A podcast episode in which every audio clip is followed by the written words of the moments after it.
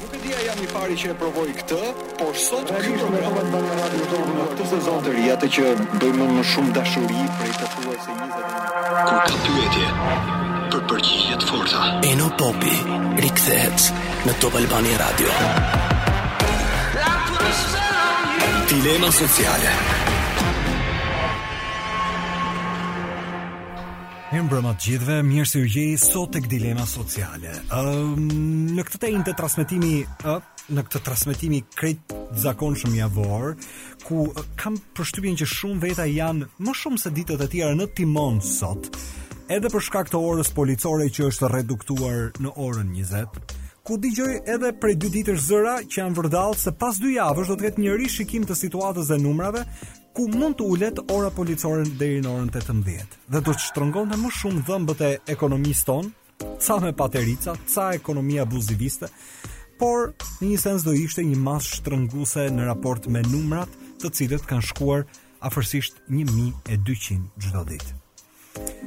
Ne prej pranverës së shkuar po jetojmë me masa shtrënguese të cilat me vullnet koha tregoi se i shkelëm si të ishim në situatë normale dhe me dëshirën për të jetuar pa policë dhe gjoba që plot syresh i acaroi për shembull fjala vjen njerëzit sa afrohej polici i parë bashkiak me bllok në dorë apo sjellja e autoriteteve um, që më të dobtit i këpusnin në gjoba dhe njerëzit më me pushtet të uh, shihnin krejt jetën normale edhe prej statusit, dhe pse Covid-i tregoi që s'pyeste shumë, kapi edhe ata që kurohen në strukturat publike dhe të tjerë që kishin uh, para për të marrë çartera për Turqi. Kjo ka qenë panorama e ditëve tona. Por, në këtë realitet më të prekur nga masat izoluese dhe për natyrisht nga masat izoluese për mosshpërndarjen e Covidit, ishin studentët. Kush është në moshë universitare apo ka fëmijë në universitet e di fort mirë se si po bëhen 3 vite që ciklet e tyre studimore janë të paplota. Se si gjithë ky boshllik do e nxjerrë kokën shumë shpejt me studentët që kanë kaluar vitet duke e parë shumë pak ose pa e parë fare derën e shkollës apo të klasës. Tre vite janë një cikël i plotë studimor, ku studentët që nisën shkollën në dhjetor të tre viteve më parë e ndërprenë për shkak të protestave gati tremujore. Pasoi tërmeti dhe pastaj shtyrjet e universiteteve u bënë zakonshme. Dhe më pas ajo që detyroi ndryshimin e sjelljes me shkollën, pothuajse në të gjithë botën dhe jo vetëm në Shqipëri bëri që pandemia e cila për gati një vit mban studentët online dhe larg shkollës, Edhe kjo të kishte problematikat e veta. Shumë syresh nuk janë uh, nuk janë nuk kanë vënë paqe me këtë edhe nuk e kanë pranuar këtë realitet. Edhe pse ky shtet ë diku diku nuk ja ka pas me kaq sinqeritet masave shtrënguese për universitetet. Se sot vërtet janë mbyllur edhe gjimnazet, edhe gjasa ka që kjo të shkojë edhe përtej dy javëve në gjimnaze. Por studentët ankohen se vërtet nuk shkojnë në shkollë, por organizimet politike për shembull fusin mbi 10 veta. Kafet dhe baret janë plot.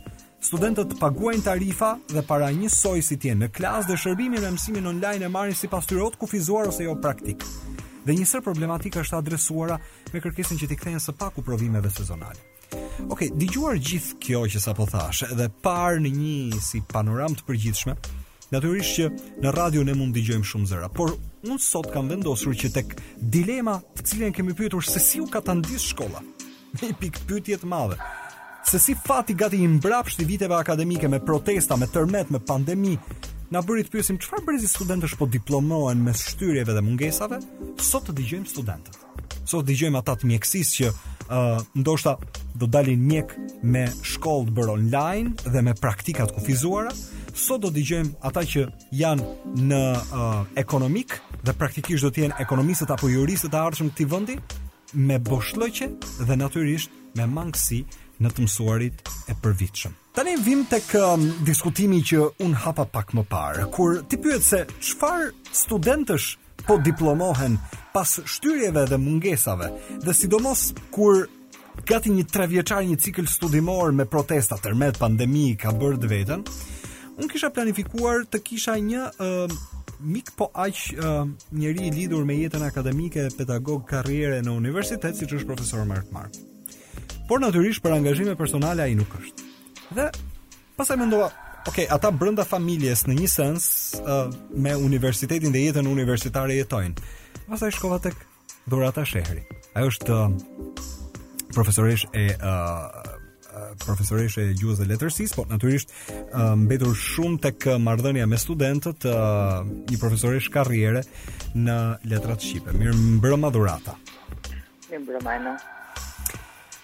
Nga ta nis? Um, unë bëra një panoramë dhe një tablo se si shkolla gati në një cikël të plotë studimor ka pasur boshllëqet e veta. Çfarë ndjesi të jep kur sheh dikë i cili ka arritur në vit të tretë ose është duke shtyrë shkollën në një uh, vit le të themi të tretë pasardhës apo rendor, ku gjërat nuk i kanë shkuar krejt normal në jetën universitare. Diku fati i mbrapsht, diku edhe Po, po ta jap ty topin. Ëm um, çfarë më bën përshtypje? Hmm? Mm, më bën përshtypje që rrallë herë pak në studime që kam parë jashtë, kam parë studentë që të diplomohen brenda kohës. Studentë që punojnë, studentë që uh, edhe punojnë edhe studiojnë, kështu që tre vite në një uh, karrierë universitare nuk janë ndonjë gjë e madhe realisht. Mm. Gjëja e dytë që më bën përshtypje në këto të paktën këto 3 vite të studentëve, vërej të njëjtin numër studentësh dhe të njëjtën kategori studentësh që ndjekin leksionet, qofshin këto ditën, pra qofshin fizikisht, qofshin online. Të njëjtën kategori studentësh që janë kuriozë, që bëjnë pyetje, që lexojnë, që kërkojnë literaturë shtesë. Qofshin fizikisht, qofshin online, qofshin me tërmete, qofshin me greva, apo qofshin me po themi fizikisht në klasë. Pra ti je duke më thënë që një student prototipi i studentit të zellshëm uh, ose së paku uh, metodik do të ishte në çfarëdo lloj rrethane? Njësoj. Po pse unë mund të mendoj të kundërtën? Mund të mendoj që e gjithë uh, situata e cila i ka ardhur kështu sidomos jo vetëm studentëve, po le të themi gjithë jetës akademike, e ka një efekt anësor. A do ta quajmë një shkrehje totale, a mund ta quajmë një ë uh, zvarritje në vullnet, a mund ta pra mund të vëmë epitete nga më të ndryshme. Por ama ja, është është është e dukshme që i ka efektet e veta anësore. Po, efektet anësore, po nuk e di nëse janë të gjitha efektet anësore negative apo pozitive. Po si e marr nga e para. Le t'i vendosim në peshore, si të rezulton. Po i vendos Po i vendos edhe në kronologji. Ë në thonjza problemi i parë i para dy vitesh ishte greva e studentëve. Unë mendoj që atë vit studentët shqiptarë kanë mësuar shumë më tepër se ç'do të mësonin, po të bëhej një vit shkollor normal. Kanë mësuar së pari të jenë studentë dhe të bëhen qytetarë të këtij vendi. Kështu që mendoj që atë vit nuk kanë humbur pothuajse asgjë, e kanë fituar shumë më tepër se ç'do të kishin fituar po të kishin qenë në banka normale të shkollës që të ndonë të dëgjonin vetëm pe pedagogët e tyre. Shiko, në, në, në, par... në pikëpamje jete mund të jetë edhe kështu si thua ti, e pra, si me thënë, uh, befas po, shkolla po, jetës, ok, po në rregull, po, po të flasim për shkolla. Po të flasim për uh, që kam 25 vite në universitet, mm. pra nuk po të flas, po themi, uh, uh, në parimin e të qënit uh, vetëm pedagoge nga njëri krah, nga njëri krah i, i, i tavolinës, po themi.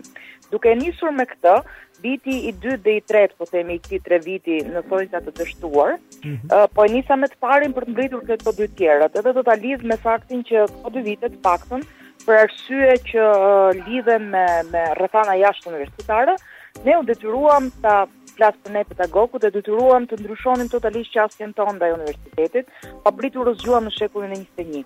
Universiteti shqiptar u zgjua një ditë të bukur, papritur për pak dy javë pa pa një paralajmërim të madh, u zgjua në shekullin e 21, u zgjua në shekullin e teknologjisë.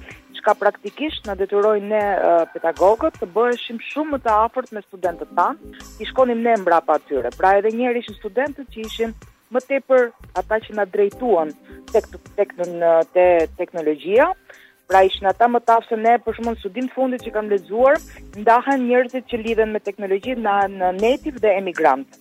Pra viti i ndarjes pak a shumë që bëjnë studiuesit është viti 2000. Pra çfarë janë të lindurit në 2000 e këtej janë native, pra ata që kanë lindur me teknologjinë, me internetin, me smart me gjithçka smart të teknologjive të reja, dhe ne jemi në, ne, po themi, ti Sidjena, ti më dukesh pak më shumë native sesa unë, po për arsye të vitit, kam përshtypjen që jem më shumë emigrant dhe ti sesa studentët e tu, unë jam një emigrante totale për arsyet biologjike të moshës. Pra ne jemi emigrantët, jemi ata që jemi mësuar dhe ngadalë me teknologjinë. Ajo çfarë na ndodhi, këtu u bë gati, po bëhet gati një vit që ne uh, japim mësim përmes teknologjive të reja të qasjes, të, ku di unë, të informacionit e kështu me radhë, uh, jemi bërë ne emigrantët që më fak më fal në fakt po mësojmë më shumë nga studentët. Çështja e tretë që desha të trajtoj mm -hmm. në këtë pikë, pra që lidhet me të parën dhe me të dytën, është fakti që ne kemi ndryshuar kemi qenë të detyruar ose ata që s'kanë bërë në fakt s'kanë bërë mirë fare, të ndryshojmë edhe uh, metodologjinë e qasjes në të gjitha lëndët. Qartë. Në rastin konkret për shembull unë tek departamenti tek masteri mm. i komunikimit, shkencor i komunikimit, jap një lëndë prej 50 ditësh. Edhe lënda quhet retorika dhe media. Këtë vit për herë të parë, në mënyrë absolute i pari në këto 15 vitet e fundit, ka qenë një vit i cili unë ndryshova totalisht uh, marrëdhënien time të dhënies dhe të marrjes së uh, të marrëdhënien po themi me studentët. Në këtë vit nuk zhvillova leksionet uh, normale, në të cilat unë zakonisht flas dhe studentët përgjithësisht kanë një periudhë më të vogël ndëraktiviteti, por e nisa në thonjza duke i hedhur studentët në detin e retorikës, pavarësisht se ata nuk ishin nuk kishin uh, uh, nuk nuk e dinin notin. Pra mësuan notin jo duke u bërë unë leksionet përpara dhe pastaj duke punuar, por duke punuar gjatë gjithë kohës. Kemi të paktën 14 javë që punojmë me orë të zgjatura dhe dua të them që qoftë se për shembull në orë të tjera nga ora 6, 6 pa një çerek ndjeja lodhje dhe bezdi në sytë e tyre, ndërkohë që ndoshta nuk i shoh sytë, se zakonisht nuk dalin në kamera, po shkon ora 6, 6 pa një çerek, 6:30 edhe 7 pa një çerek, dhe studentët nuk largohen, jo se jam unë mësuese më e mirë, se ç'kam qenë gjithmonë, por sepse kam ndryshuar metodën e të zhvilluar okay, vetëm pas pak uh, unë kam vendosur sot të dëgjoj studentë Dhurata Dhurata sepse unë mendoj që ok natyrisht në radio radio është medium ka qasje ka nga njerëzit e njohur me influencë publike deri tek Po aq kanë akses edhe njerëz të thjeshtë që në fund të ditës shohin uh, punët e tyre edhe por në një moment kur diçka flet uh, dhe i prek janë këtu. Kështu që i kam thirrur për t'i dëgjuar vetëm pas pak. Po po të shohim në një pikturë më të përgjithshme, nuk më duket sikur tabloja është uh, kaq kaq e bukur. Sepse po aq studentët kanë pretendime se mësimi online online çalon, pretendimet e studentëve është janë që një pjesë e mirë e teknologjisë është ende e papërvetësuar që nga profesorët po duash deri po ashtu dhe vetë studentët. Pra gjëra të cilat Në thelb, nuk e bëjnë kaq të bukur qëndrimin larg nga shkolla. Por për këtë do të të pyes vetëm pas pak sepse kam përshtypjen që t'jap pak kohë edhe për refleksion personal për atë çfarë mund të mendosh se ku ka gabime edhe tek në të dyja palët, për shembull, çka çka ka që nuk shkon. Kam përshtypjen që i ke dëgjuar vazhdimisht studentët. Diku edhe pyet, është krejt normale, çka kanë që nuk shkon. Si të rezulton? Ata kanë pretendimet e veta, po aq. Uh, unë po të flas, domethënë nuk, nuk pretendoj të bëj përgjithësime, nuk kam pretenduar ndonjëherë t'i bëj, aq më pak t'i bëj në një emision televiziv dhe jo në jetën private, mm. s'i kam bërë ndonjëherë, por më a të gjitha përvojat që të tregova janë përvojat e mia personale. Dhe normalisht numri i studentëve që unë jap në këtë semestër Janë rreth 300 studentë dhe po të flas pak a shumë nga përvojat e tyre. Kështu që uh, nuk di të them se çfarë nuk shkon tek ata, por mendoj ndjej që janë pjesë e një lodhje të përgjithshme, një ndryshim i stilit të jetës, uh, të cilin natyrisht mendova që do ta kishin më me sportivitet do ta merrnin më me sportivitet se ne, e ndoshta edhe më shumë përgjegjësi se ne. Për shembull, ajo që më çudit është ë uh, Nevoja e, po themi, nuk e kuptoj, për shembull pse studentët e filologjikut duan me çdo kusht, për shembull, kur të kthehen në, në bankat e shkollës, do donin, ndoshta një grup i vogël, se nuk di të them se sa, sa përfaqësojnë, kur një pjesë e madhe e orëve të mësimit bëhet njësoj si online, flas gjithmonë për për filologjikun ose të paktën për departamentin e letërsisë.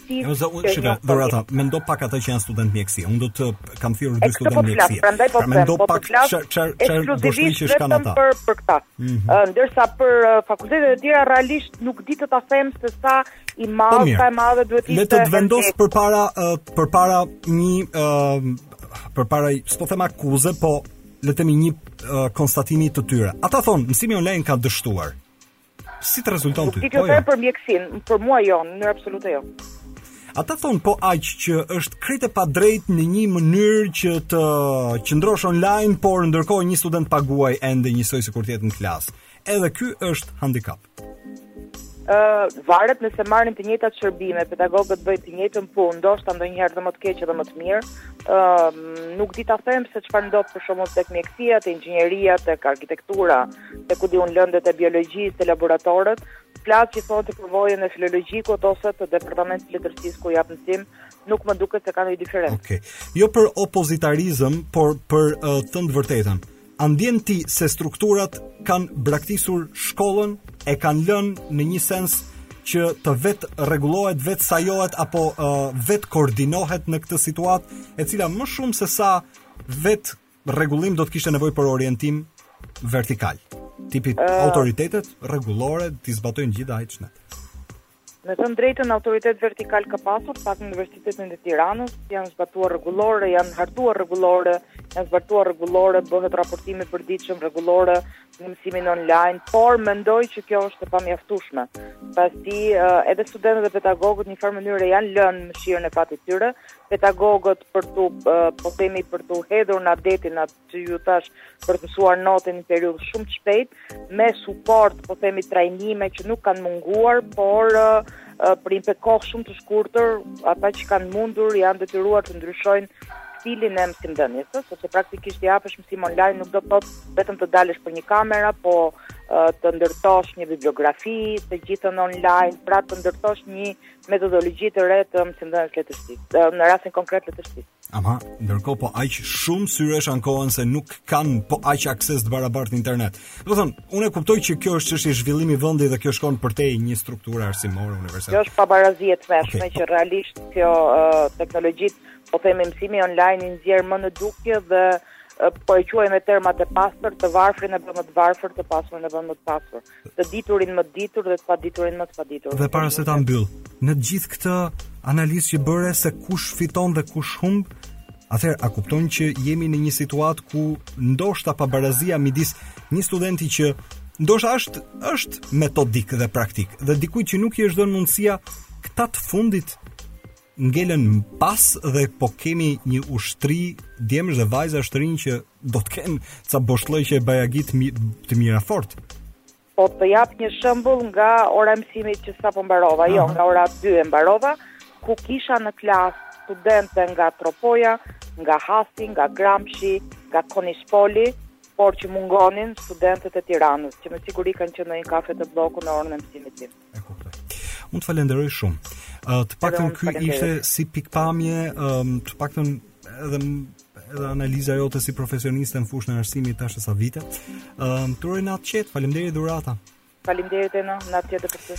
A ndërkohë po aq studentë të cilët më kanë ardhur janë pjesë e një grupimi siç është organizata uh, studentore edhe vijnë nga uh, shkencat politike, po aq kanë artikulimin jo vetëm të tyrin personal, po edhe të një grupi shumë më masiv shokësh e shoqesh të cilët e cilën ndajnë të njëjtën eksperiencë.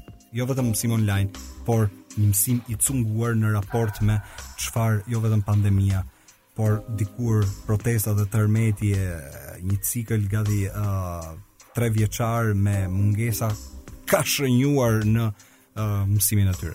Mua më ka ardhur Sindi dhe Ariela. Sindi Beqiri është master për shkenca politike, Ariela po ashtu master për shkenca politike, jam korrekt goca? Okej. Okay. Mirë se erdhët. Ju e dëgjuat Dhuratën ose dëgjuat se si e ka qasjen një pedagoge në analizën që i bën kësaj situate. Po për ju si është? Faktikisht për ne ka qenë krejt e kundërta. Flas këtu nisur nga vetja, nga shumë shokë dhe shoqe me të cilët ndajmë të njëjtin realitet. Ëm um, shumë gjëra në fakt mësimi online ka qenë shumë problematik dhe realisht ka qenë i dështuar dhe këtë nuk mund ta mohojmë. Uh, ti e the shumë mirë në çfarë ka qenë i, i cunguar. Mm. Uh, ka qenë diskriminues mbi të gjitha dhe aspak cilësor.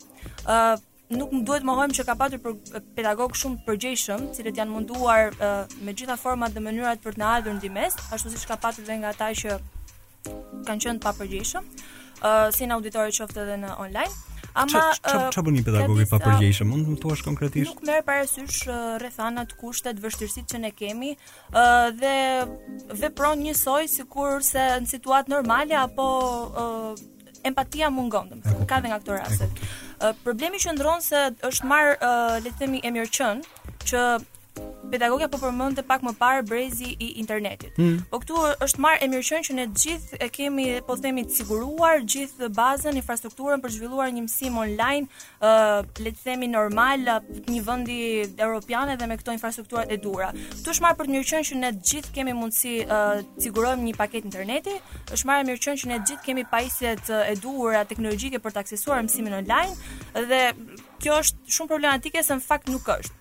Përveç se këto nga qeveria janë lënë uh, vetëm në dorën e studentëve dhe nuk ka patur kurrë një paketë ndihmuese për këto, pra unë duhet t'i siguroja vet po them internetin, telefonin, smartphonein, ë uh, ama ka patur edhe gjëra të tjera që nuk kanë qenë fort në po them në në dorën time për t'i siguruar. Që se ndoshta s'e imagjinoj dot një student pa një kompjuter në shtëpi ose pa një tablet, së paku për të shkruar, së paku për të kërkuar, së paku për të lexuar. Po po po, ky është realiteti. Unë sot uh, un banoj në Tiranë aktualisht dhe sot kam patur shkëputje rrymë elektrike disa herë, kam dalë dhe kam hyrë nga mësimi. Po për këtë nuk jam unë përgjegjëse. Siç uh, s'ka mundësi familja ime të sigurojë okay. gjithë kushtet e tjera. Po jo, pra... po, goza, po jo për të bërë avokatin e djallit, po as shkolla s'është përgjegjëse.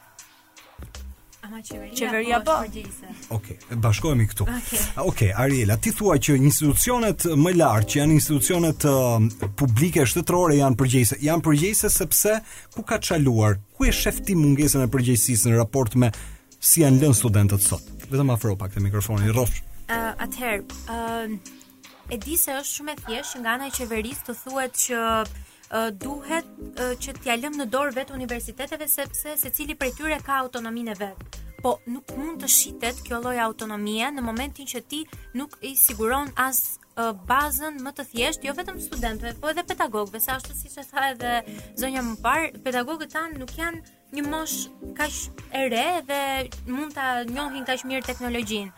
Domethënë, qeveria do duhet të kishte menduar së pari për sigurimin e pajisjeve për studentët, së dyti për paketa rimbursimi për uh, ofertat tona telefonike sepse jo jo të gjithë prej nesh kanë internet wifi në shtëpi do duhet të kishim edhe ndonjë ndihmesë me me kompani të caktuara telefonike që nuk ka pasur ose do duhet të mendonte për tarifat.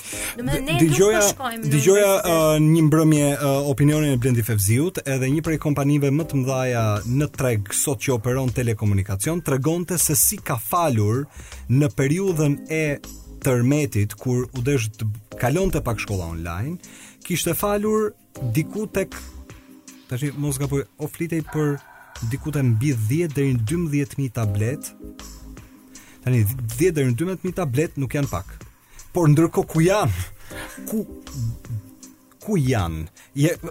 Qasjen e kishin pasur në gjimnaze dhe universitete. Por gjithmonë kur flitet për mungesë infrastrukture, atëherë dalin pa që donacione janë bërë po ku drejtojnë shkollë. E kjo tregon domethënë që në fakt nuk ka ndodhur edhe ne jemi pjesë e këtyre gjërave shumë korruptive që ndodhin jo vetëm me gjimnazet, po edhe me universitetet. Do të ju paguani po njësoj tarifën? Po, sigurisht ne paguajmë po njësoj tarifën. Madje ka pasur edhe ë uh, po them kërcënime në thonjza të studentëve që nëse nuk e paguani tarifën nuk keni për t'u futur në sezonin që ne e kemi tani. Edhe kjo është shumë absurde. Kjo nuk ndodh në fakultete si i joni, shkencave sociale, po po ndodh tek Universiteti Bujqësor, ndodh tek fakultete të tjera, edhe tek edhe tek mjekësia, po ndodh. Studentët janë detyruar të paguajnë tarifa, edhe pse po të bëjmë një se është shumë e thjeshtë, të bëjmë kalkulime shumë të thjeshta. Ne nuk po përdorim uh, ambientet shkollore. Praktikisht ti nuk po paguan as për drita, as për ujë. Edhe ne ne këtë gjë e kuptojmë. Nuk nuk është shumë e vështirë për t'u kuptuar që ne nuk po i ne nuk po i e vetmja gjë nëse logjistika e institucioneve publike ju s'e merrni si shërbim po, paktën ta zbresim tek ne për këtë ne për këtë kemi bërë edhe një një peticion mm. në përfundim të vitit të kaluar akademik ne kemi bërë një një peticion online me 8000 firma e kemi dorëzuar tek ministria dhe kemi marrë një përgjigje qesharake. Shkoj, nëse unë kam ngritur këtë dilemën sot, e cila është po aq jo vetëm e juaj, është edhe e e prindërve, sidomos se deri ku po shkon unë shkruaj dhe deri ku ka tentuar shkolla, po çfarë brezi studentësh po diplomohen mes shtyrjeve dhe mungesave, çfarë përgjigje do jepni ju si student vetë? Kjo është pak e vështirë uh, për t'u përcaktuar, sepse ne i përkasim profileve të ndryshme. Sure. Uh, ashtë, ashtë po ti e shef performancën te vetja? Po, sigurisht që po. Unë si kam, unë kam qenë, uh, unë kam, kam qenë uh, studente edhe auditorit, edhe mësimit online. Edhe sigurisht ka një ka një mungesë shumë të madhe përqendrimi uh, në mësimin uh, online. Është e pamundur të dëgjosh katër, të paktën unë që jam te shkencat sociale dhe mm. ndjekim orë të gjata leksioni, 4 orë, 5 orë, ti nuk mundesh me qenë produktiv. Sindi. Të jemi realistë, domethënë. Mos më afro pak të lutem. Okej. Po, po thosha. Edhe për të qenë, edhe më konkret, domethënë, absolutisht nuk mund të jetë njësoj.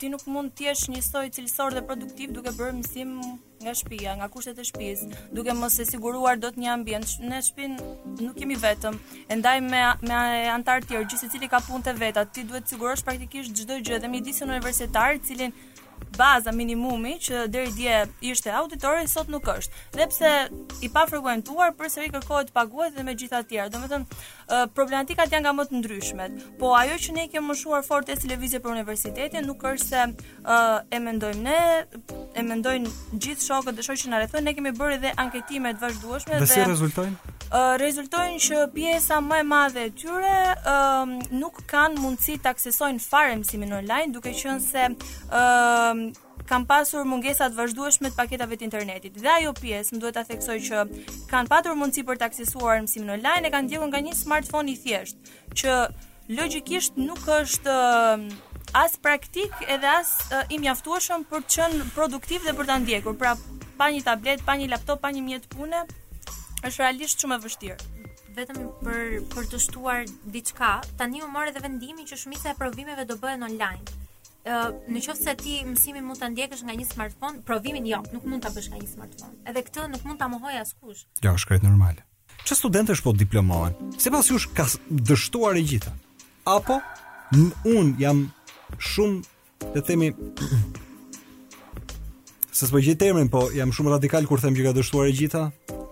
Jam shumë absolutist. Nuk je i vetmi. Domethënë realisht ka ka dështuar dhe studentët mes veti e kanë pranuar këtë hapur.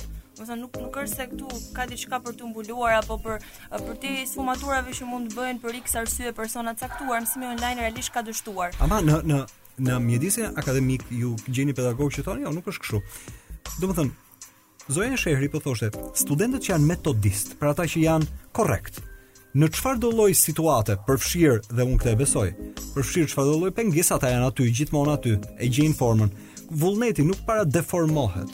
Ja po ta shpjegoj. Ma shpjego. Ë, uh, Edhe këta studentë që gjithmonë kanë qenë korrektë dhe janë gjithë kohës nuk e humbin kurrë orën, thash për gjithë arsyet që dhe më përpara kemi uh, përmendur dhe para pak artikuluam, është bërë e pamundur që dhe një student korrekt të ketë mundësi të jetë gjithë kohës, sigurisht ne nuk përjashtojmë rastet e studentëve neglizhentë etj etj, por personalisht ëm um, e ndjek me korrektësi çdo orë mësimi, por shumë herë më është pamundësuar Për të gjitha arsyet që përmenda pak më parë, se një herë s'kam patur mundësi ta paguaj ofertën në kohë dhe më është ndërprerë disa ditë. Se një herë më ka ikur energjia elektrike. Se një herë kam patur aq shumë zhurmë në shtëpi dhe familjarët e mi që uh, bëjnë punët e tyre sa më është ndërprerë prezantimi. Domethënë gjitha këto mos përmendim pastaj pjesën e uh, anës psikologjike e demoralizimit edhe gjithë kjo. Unë mendoj që edhe student, uh, shokët tanë, shoqet që le ta themi nuk është se kanë qenë këta që vinin të parët në shkollë, uh, janë në një situatë që realisht domethënë uh, nuk mban më dhe nuk është se uh, është prej mosdëshirës së tyre të mosqenurit pjesë e kësaj. Ama ju doni të ktheheni në klasë? Mhm. Po, mirë do ishte. Uh, unë doja të përmendja vetëm pak për ta okay, për ta për ta shtuar. Ne nuk duhet të harrojmë që shumica prej nesh nuk e kanë luksin të jenë vetëm student. Ne ndonjëherë na duhet, jo ndonjëherë, por shumicën e rasteve na duhet të punojmë. Të paktën unë që jam në master, ë uh, unë punoj. Okay. Edhe shumica e shokëve të mi punojnë. Punojmë është krejt normale. Unë e di këtë gjë, është krejt normale se edhe edhe në botë. Ama mm. është në kurrizin tënd pra. Siç po, të thonë amerikanët që të gjesh ti kohën dhe të vendosësh balancën midis shkollës dhe punës. Po pra, po ne nuk duhet nuk duhet ha, nuk duhet t'i harrojmë këto këto lloj kushte, se fundja studentët detyrohen që të punojnë punë shumë të shumë të vështira, ku di unë imagjinoje një student që punon në call center ndjek edhe mësimin online. Mund të tingëllojë pak e çuditshme të pyesësh tani a doni të ktheheni në shkollë se 1300 veta në ditë është një shifër dekurajuse. Aq më shumë po dëgjosh mjekët tani se ata i kemi, ata do i besojmë, ata thonë që grupmosha ka zbritur paska shkuar midis nga 17-18 deri në 28 vjeç një grupmoshë risku. Por ju prap doni të ktheheni në shkollë? A doni të ktheheni që semestrin tjetër? Uh, unë mendoj që ne, domethënë, ne, e dimë se sa e mhm. rëndësishme është uh, jeta, shëndeti, edhe të gjitha këto, edhe sigurisht që nuk mund të kërkojmë kështu nga hiçi, mm. uh, që ne duam të kthehemi uh, në auditor që nesër. Sigurisht që jo, ama ne të paktën ajo që ne po kërkojmë tani është që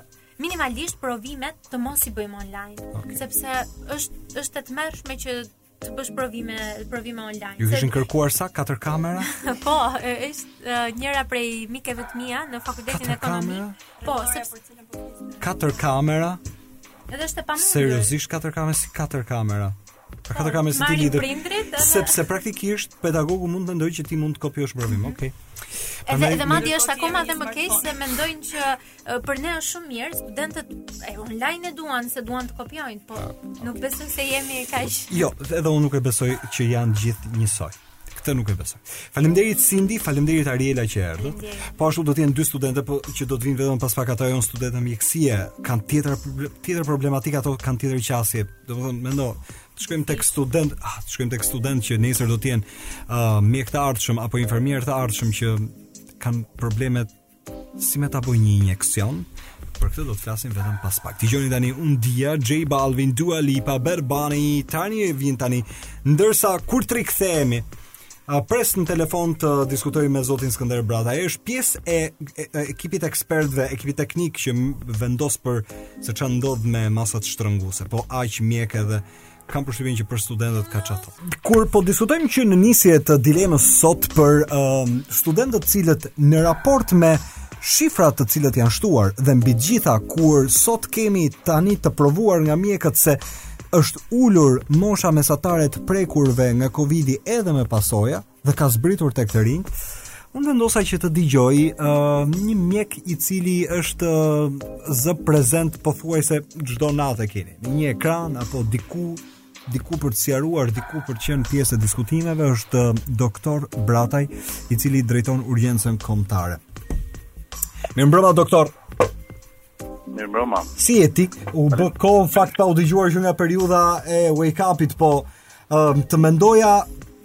Kur ne jemi takuar në fillim ju sapo patët ardhur nga Italia atëherë dhe flisnim për çfarë çfarë qasje kishit ju për uh, uh, urgjencën kombëtare në atë kohë dhe të mendoj që pas asaj kohe pastaj befas një pandemi na erdhi dhe ty t'u desh që ndërkohë nga riorganizimi të merreshe me një punë të vrullshme çdo ditë. Vijmë pak tek të rinjtë Është vërtet kështu. Sa është mosha mesatare që e diskutoni ju në komisionin teknik sipas të dhënave deri ku ka shkuar tek të rinjtë prekja me Covidin? Po, është vërtetë ajo që tash kur flisnim flisnim për teori, nuk ishte akoma praktikë. Po, po. Sot e kemi prekur realitetin prej 2017-ës me fillimin e urgjencës kombëtare. Ëh, Kthehemi pak tek tek gjendja aktuale, që ka një rritje të numrit të të infektuarve dhe një rritje të të shtruarve në spital, kuptohet dhe të pacientëve që mund të jenë në banesë. Ajo që në dy javët e fundit, dy tre javët e fundit është tipike, është rritja e infeksionit në disa grupmosha që deri në këtë moment nuk ishin kaq të rritura siç ishte ajo e 15-24 vjeçarëve. që është tipike e shkollave të mesme dhe universiteteve. Uh, tek moshat më të ulta ka një qëndrueshmëri mm. uh, përsa i përket uh, infeksionit përsa këto ishin grupet kryesore dhe mbas 2 javësh, 3 javësh nga rritja e këtyre patëm një rritje të uh, 25 uh, 25-54 vjeçarëve dhe 55-64 vjeçarëve Gjë që tregon më së miri që këto grupmosha ua sollën prindërve në banesë. Është tipike e kohës së inkubacionit të, të virusit që do ato dy javët tipike. Kështu që duke parë shpejtësinë e përhapjes së infeksionit, grupmoshat, mm. faktorët që ndikuan, duke menduar që edhe shtami anglez mund të jetë prezent në Shqipëri sepse me këtë shpejtësi vetëm ai ishte në gjendje që të përhapej.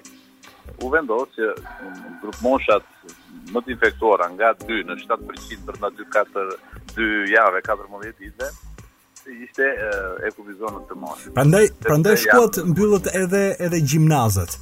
për një periudhë dyjavore. A ka gjasa doktor që mund të shkojë edhe me gjimnazet siç po shkon zvarritja me universitetet?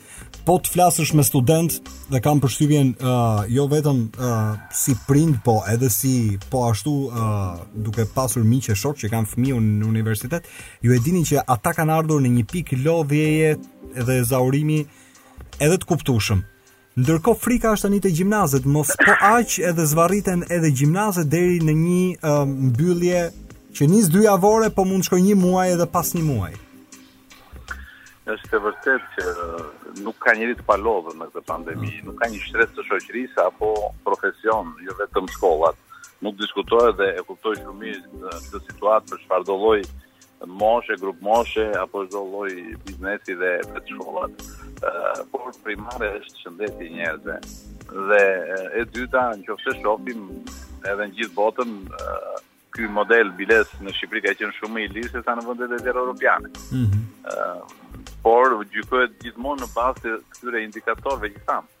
Shpërndarja, RT-ja, pra transmetimi, numri i të infektuarve, numri i të sëmurëve, numri i të shtruarve, numri i humbjeve të jetës që e kemi parë që është rritur, numri i burimeve që kemi në dispozicion, duke filluar që nga shtretërit, që nga personeli mjekësor, që nga aparaturat dhe mundësitë që kemi për përballimin e pandemisë. Nëse doktor, nëse unë të pyes si uh, një njeri që edhe jam brenda uh, sistemit akademik. Që do të thotë, për dy javë fillon uh, periudha e provimeve. Dhe kam përshtypjen po aq që keni uh, mjekë të cilët janë pedagogë dhe e dinë mirë. Për dy javë fillon se, uh, sezoni i provimeve. Me gjasë ata do të kenë edhe një muaj që është një muaj i përgatitjes për të dhënë provime.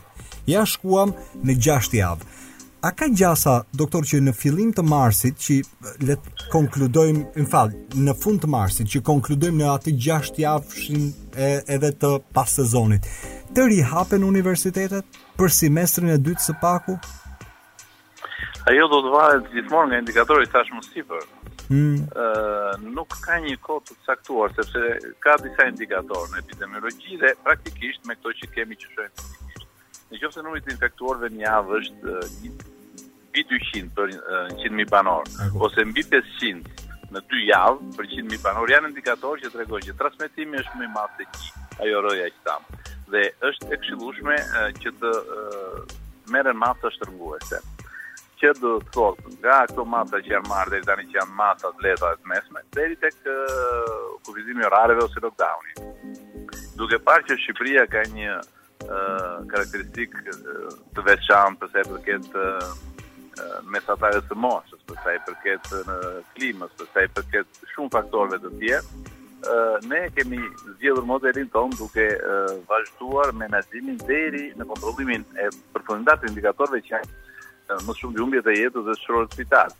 Deri sa po menaxhohen, siç e keni parë deri tani nuk janë marrë masa shtrënguese si në të gjithë botën, por e kuptoj shumë mirë, do të ketë shtytje të datës së provimeve nëse do të jetë e nevojshme. Do të vihet, do të do të analizohet dhe monitorohet situata, por po se çdo për të qenë pranë dhe për të bashkërenduar. E di shumë mirë, mua dhe mua leksionet. Kur kur flas ato praktike. Kur flasim për lodhjen, uh, unë do të flas edhe pas pak doktor Brataj për uh, me studentë të mjekësisë. Ajo që më shqetësoi ishte duke parë në një panoramë më të përgjithshme këtë punën e studentëve, pavarësisht se uh, profesione të ndryshme në formimin universitar kanë specifika të ndryshme, Shumë prej studentëve kanë një lloj pretendimi se edhe për shkak të pandemisë, diku tërmeti përpara, diku edhe se kishin ca protesta studentore, po bëhet një cikël tre vjeçar i një boshlliku shumë të madh. Unë e kuptoj që parë si qytetar kjo të vjen keq. Po nga ana tjetër, parë si mjek, ka plot nga ata që thonë se shihe, çfarë brezash mjekësh do dalin kur edhe me shkollën online a po qullosin gjë. Unë mendoj se do të gjendet një mënyrë, sido që të jetë, por janë momente historike dhe po flasim për një pandemi. Unë po ju kthej pak në kohë, qoftë se ju kujtohet nëntëdhjetë e dyshi. Po patjetër. Kur ishte periudha e tranzicionit. Unë isha student i vitit 4 dhe vitit 5. Mm -hmm. Dhe normal, kur shkova në Itali, m'u duk sikur e fillova shkollën nga e para. Por ishte periudha e tillë. Dhe nuk është faj i askujt një moment historik, kur ndodhin gjëra të tilla që do t'i përshtatesh. Kështu që uh, për fatin e mirë sot uh, në vitet e sotme ka një uh, metodë tjetër, një edukim në vazhdim pasuniversitar me me trajnime full immersion edhe të certifikuara që marrin atë që ke bërë në ciklet e lëndëve të ndryshme që mund të bësh edhe në një dy ditë. Mm -hmm. Dhe këto janë sipas standardeve të gjithë shoqatave shkencore ndërkombëtare që uh, merren me të gjitha Lëndët duke qenë nga urgjenca, reanimacioni kardiopulmonar, kardiologjia, reanimacioni dhe kështu me radhë, kështu që edhe në atë periudhë të shkurtër, kur ne shpresojmë të kthehemi sa më shpejt normalitetit, do të jenë full immersion, nuk do të jenë më ato ditët normale me 4 ose 6 orë mësim, por mund të jenë më shumë për të rekuperuar të gjitha ato që thamë. Um, dhe edhe ato që mbarojnë, unë mendoj që do të jetë e nevojshme që pas përfundimit, kur është normale të bëhet një si mund të them një apdejtim, një përditësim praktik për të zëvendësuar këto që sot i kemi marrë. Jo, frika është se mos një pjesë ju përfundojnë në urgjencën kombëtare dhe s'dinë të bëjnë asnjë injeksion, po uh, kjo është pyetja e fundit. Ju keni dëgjuar t'ju thonë sidomos të rinjtë se kur shkollat janë mbyllur, kafetë janë hapur, Kur shkollat janë mbyllur, aktivitetet politike bëhen me më shumë se 10 veta, kur shkollat janë mbyllur, po aq ka organizime lloj-llojshme nëpër Tiranë dhe jo vetëm që nuk respektojnë masat. Dhe këtu duket sikur i bëhet në mënyrë të pandershme atyre që të paktën duan të shkojnë në shkollë. Jo, jo, patjetër që kushdo, thashë dhe më parë që ka, ka, ka arsyet e veta për të gjitha ato që flasin. Askush nuk e ka me studentët, dhe nuk mund të mendojmë një gjë të tillë. Por, si gjithmonë në kohë pandemie, masat merren nga ato më të lehta deri më shtrënguese, që do të thotë, mund të mbërrihet deri në mbyllje të bizneseve ose të produkteve që nuk lidhen me esencialet, me ushqimin, me shëndetësinë, por nuk duam të mbërrijmë deri atje, jo vetëm me ato, po as me shkollën. Kështu që mm, do të gjendet mënyra e rekuperimit të tyre, por unë një këshillë do t'u jepja studentëve, mm. sepse në qoftë se në atit të përgjën e infeksionit tek ata, të marrin dhe ata pak përgjegjësi, karshi shoqërisë, sepse e vërtetë që ata janë shumë më të shëndetshëm, të paprekshëm, pasojat te këta janë shumë më të pakta, po ndikojnë në fasha të tjera të shoqërisë. Okay. Dhe uh, të kërkosh duhet dhe të respektosh rregullat. Unë të falenderoj doktor që ishe me mua. Po më thuaj. Sa pak më parë, uh -huh. uh, një personel që vjen te qendra kombëtare e urgjencës mjekësore, vihet menjëherë në kushtin që i mungon eksperienca, Siç kemi bërë që nga fillimi, dy javë te trauma, dy te QSUT-ja, dy javë me mua në ambulancë dhe në helikopter dhe e rekuperojnë atë që Ah, doktor, për te batutës. Unë falenderoj që ishe në program edhe të uroj uh, natë të qetë, doktor. Faleminderit. Faleminderit ju. Ishte me ne uh, doktor Skënder Brataj, pjesë e uh, komitetit të ekspertëve, komitetit teknik që vendosin për hapjen, mbylljen edhe për masat shtrënguese, lehtësuese. Vetëm pas pak do të flas me studentë. Siç thashë unë sot tek dilema vendosa të hap mikrofonin për studentët. Ata në të përditshmen e tyre kanë çfarë të tregojnë se si po çalon e gjitha dhe çfarë nuk po shkon. Disa syresh thonë që është krejt e dështuar kjo mënyra se si po bëhet shkollë sot. Të tjerë thonë se me pasoja do të dalin pas disa vitesh dhe pasojat do të ndjehen pas disa vitesh. Nuk kërkova rastësisht që të ishit ju, sepse më vjen e referuar që shumë studentë, sidomos të mjekësisë, për shkak edhe të marrëdhënies që është krijuar tani me pandeminë, shkollën online, mënyrën ë uh, okay, strukturale e cila ha pak diskutim se si po bëhet mësimi sot, Sidomos më thanë, studentët e mjekësisë janë ata që kanë një lloj deficiencë të munguar për sa i takon në marrjes profesionit dhe ata që her pas here thonë që gjithë ky boshllik diku do ndihet në të ardhmen. Sa e vërtetë është kjo?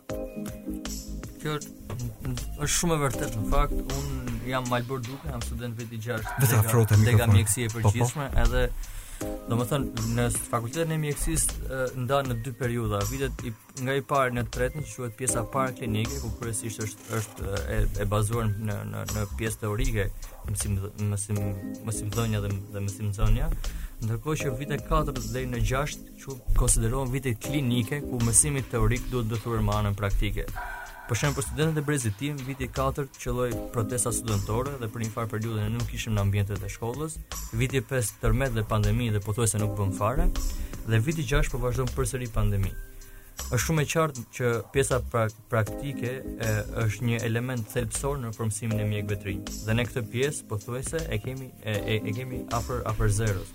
Natyrisht edhe mësimi online është diçka domethënë që nuk funksionon dot, është e pamundur sepse mësimi në në në në vitet 4 deri në vitin e 6 duhet zhvilluar pranë shtratit të pacientit, pranë shtratit të smurit, Edhe kjo natyrisht nëpërmjet nëpërmjet një një platforme online është e pamundur të zhvillohet, sepse ti duhet ta shohësh, ta prekësh pacientin, t'i marrësh anamnezën, pra janë disa veçori që e bëjnë të pamundur që kjo gjë të të kryhet online. Ne kemi bërë disa kërkesa për t'u rikthyer, për t'u rikthyer dhe për të bërë pjesën praktike, kemi propozuar edhe zgjidhjen. Okej. Okay. Cila do të ishte një grup studentësh, kemi propozuar zgjidhjen në rektorat që të bëhet mësimi i ndarë në mini grupe të vogla, domethënë për shembull grupi ku unë studioj ka 21 studentë që mund të ndahet në tre dhe bëhet okay. me nga 7 studentë që është krejtësisht e mundur. Dea, unë nuk e di pse uh, ndoshta në formë naive mendova se mos ndoshta ju si studentë tani në këtë periudhë flame mm -hmm. mund të ishit më praktikë dhe rrjedhimisht të shkonit në spital apo të shkonit në qendra shëndetësore ku do të kishte më shumë nevojë.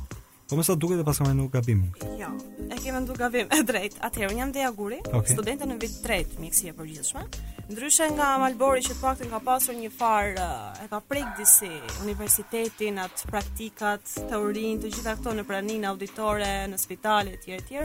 Un uh, kam fare pak kontakt të drejtpërdrejtë me pedagogun apo me fakultetin.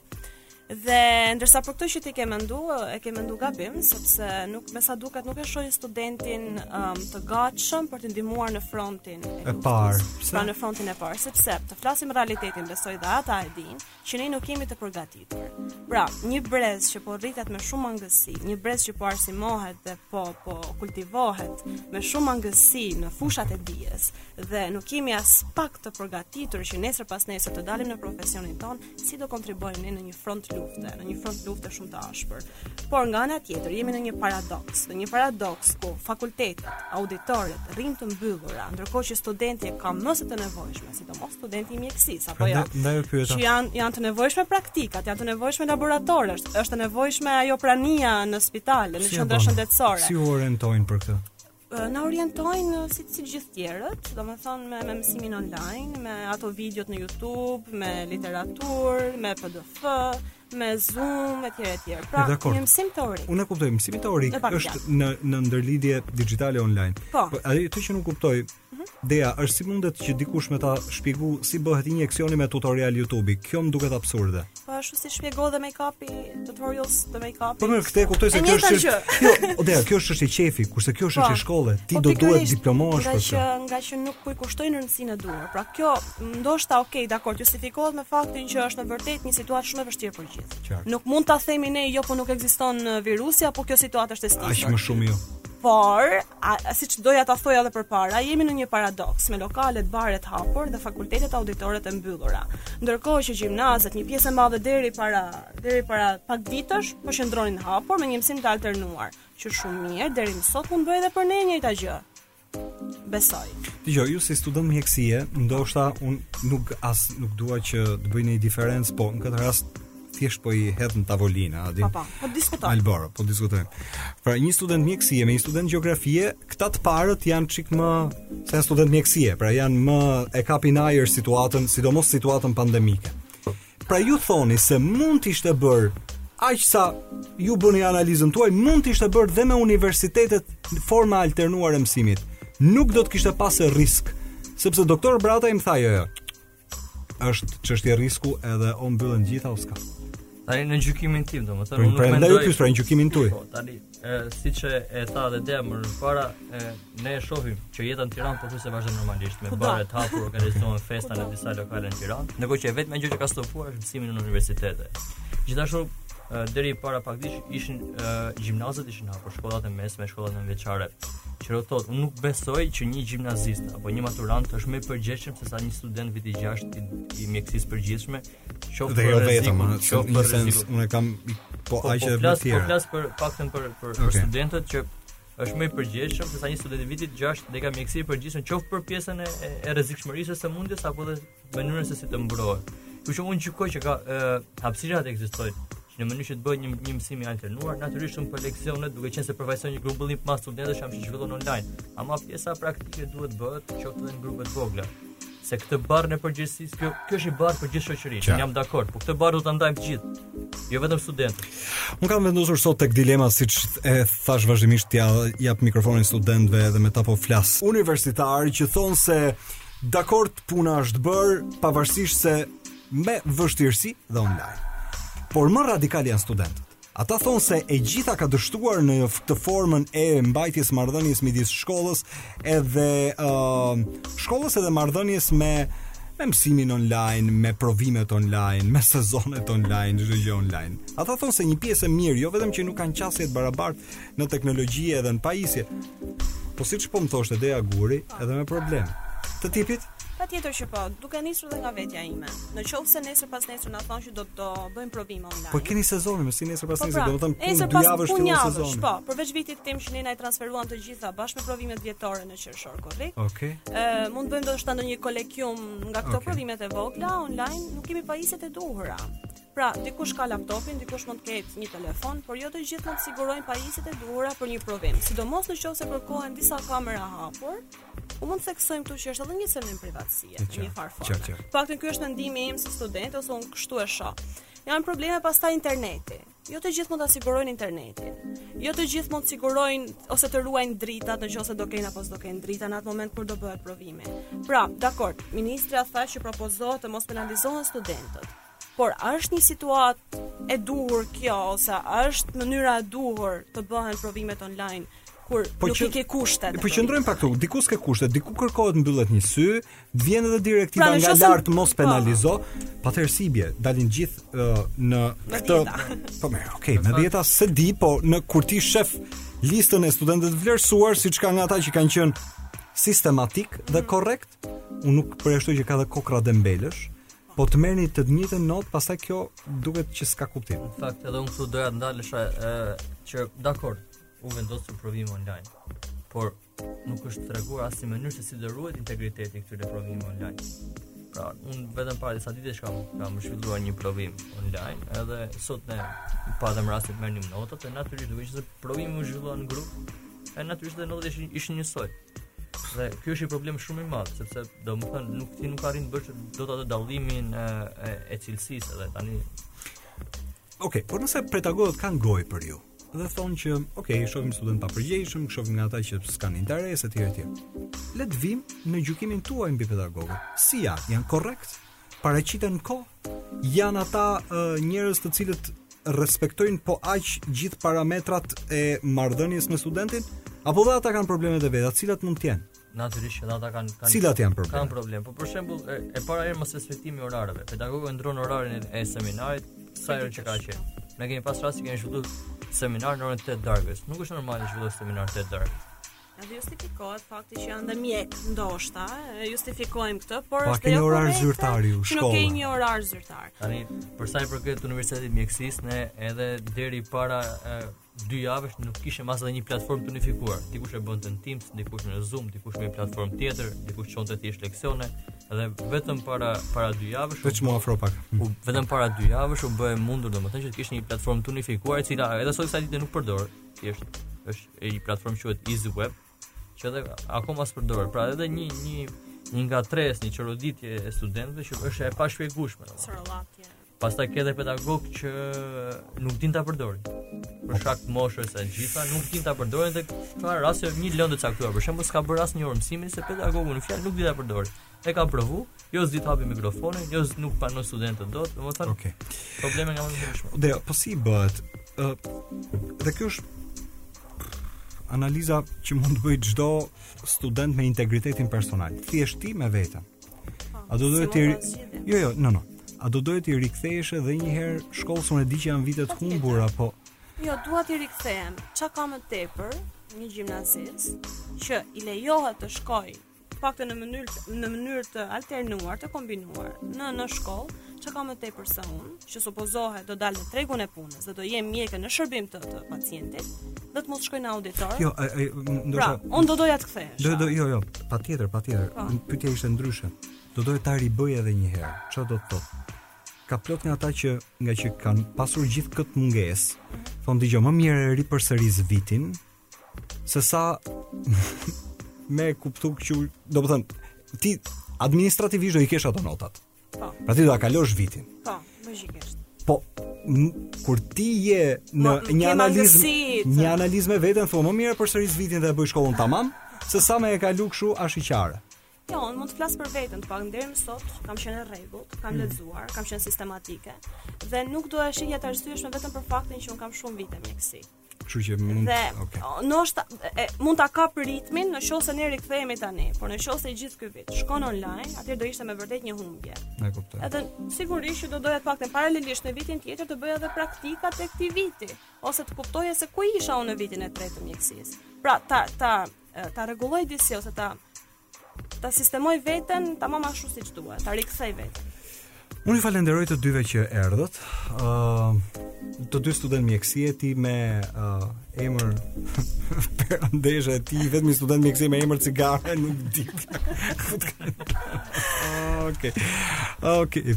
Ju uroj ë uh, sido që të jetë mbarësi edhe pse kjo është problematike për të gjithë, pavarësisht se për çfarë diplomoheni, por Atë që studentët më thonë sot dhe prandaj hapa krahun për t'i dëgjuar ishte që është problematike, nuk ë uh, ka ardhur siç duhet, çalon dhe është deri në kufijtë e dështimit një gjëje që ne vetë e sajuam. Me shaka e them me me miqtë e mi, me të afërmit e mi që në qoftë se vazhdon kjo situatë, do dëgjoni emrin tim si mjeke, aman vetëm te unë mos hajdeni. Mirë, okay. Shiko, përtej batutës, por në fakt do ta kisha mendu dhe unë dy herë. A kjo është ajo studentja që s'bëri kurrë mësim. Uh, kemi ardhë në fund, kjo ishte dilema sociale për sot. Kam përshtypjen që gjithsecili që na dëgjoi dhe mendoi pak, tani dikush ka uh, fëmijët që i kanë në universitet, dikush tjetër është vetë student dhe i ka kap kjo ora e para se të mbyllen në shtëpi para orës 20 që është ora policore, pra i ka kapur duke dëgjuar dhe duke reflektuar se ça ndodhi me studentët sidomos për një cikël trevjeçar, ku diku protestat e tyre, pastaj tërmeti, pastaj pandemia, ajo që ne diskutuam dhe pyetja që ngritëm është çfarë brezi studentësh diplomohen midis shtyrjeve dhe mungesave. Si u katandis shkolla midis fatit të mbrapsht viteve akademike? Sipas tyre, sipas studentëve sidomos, kjo do të jetë diçka që do të ndihet jo tani, por ndër breza. Natën e mirë të gjithëve.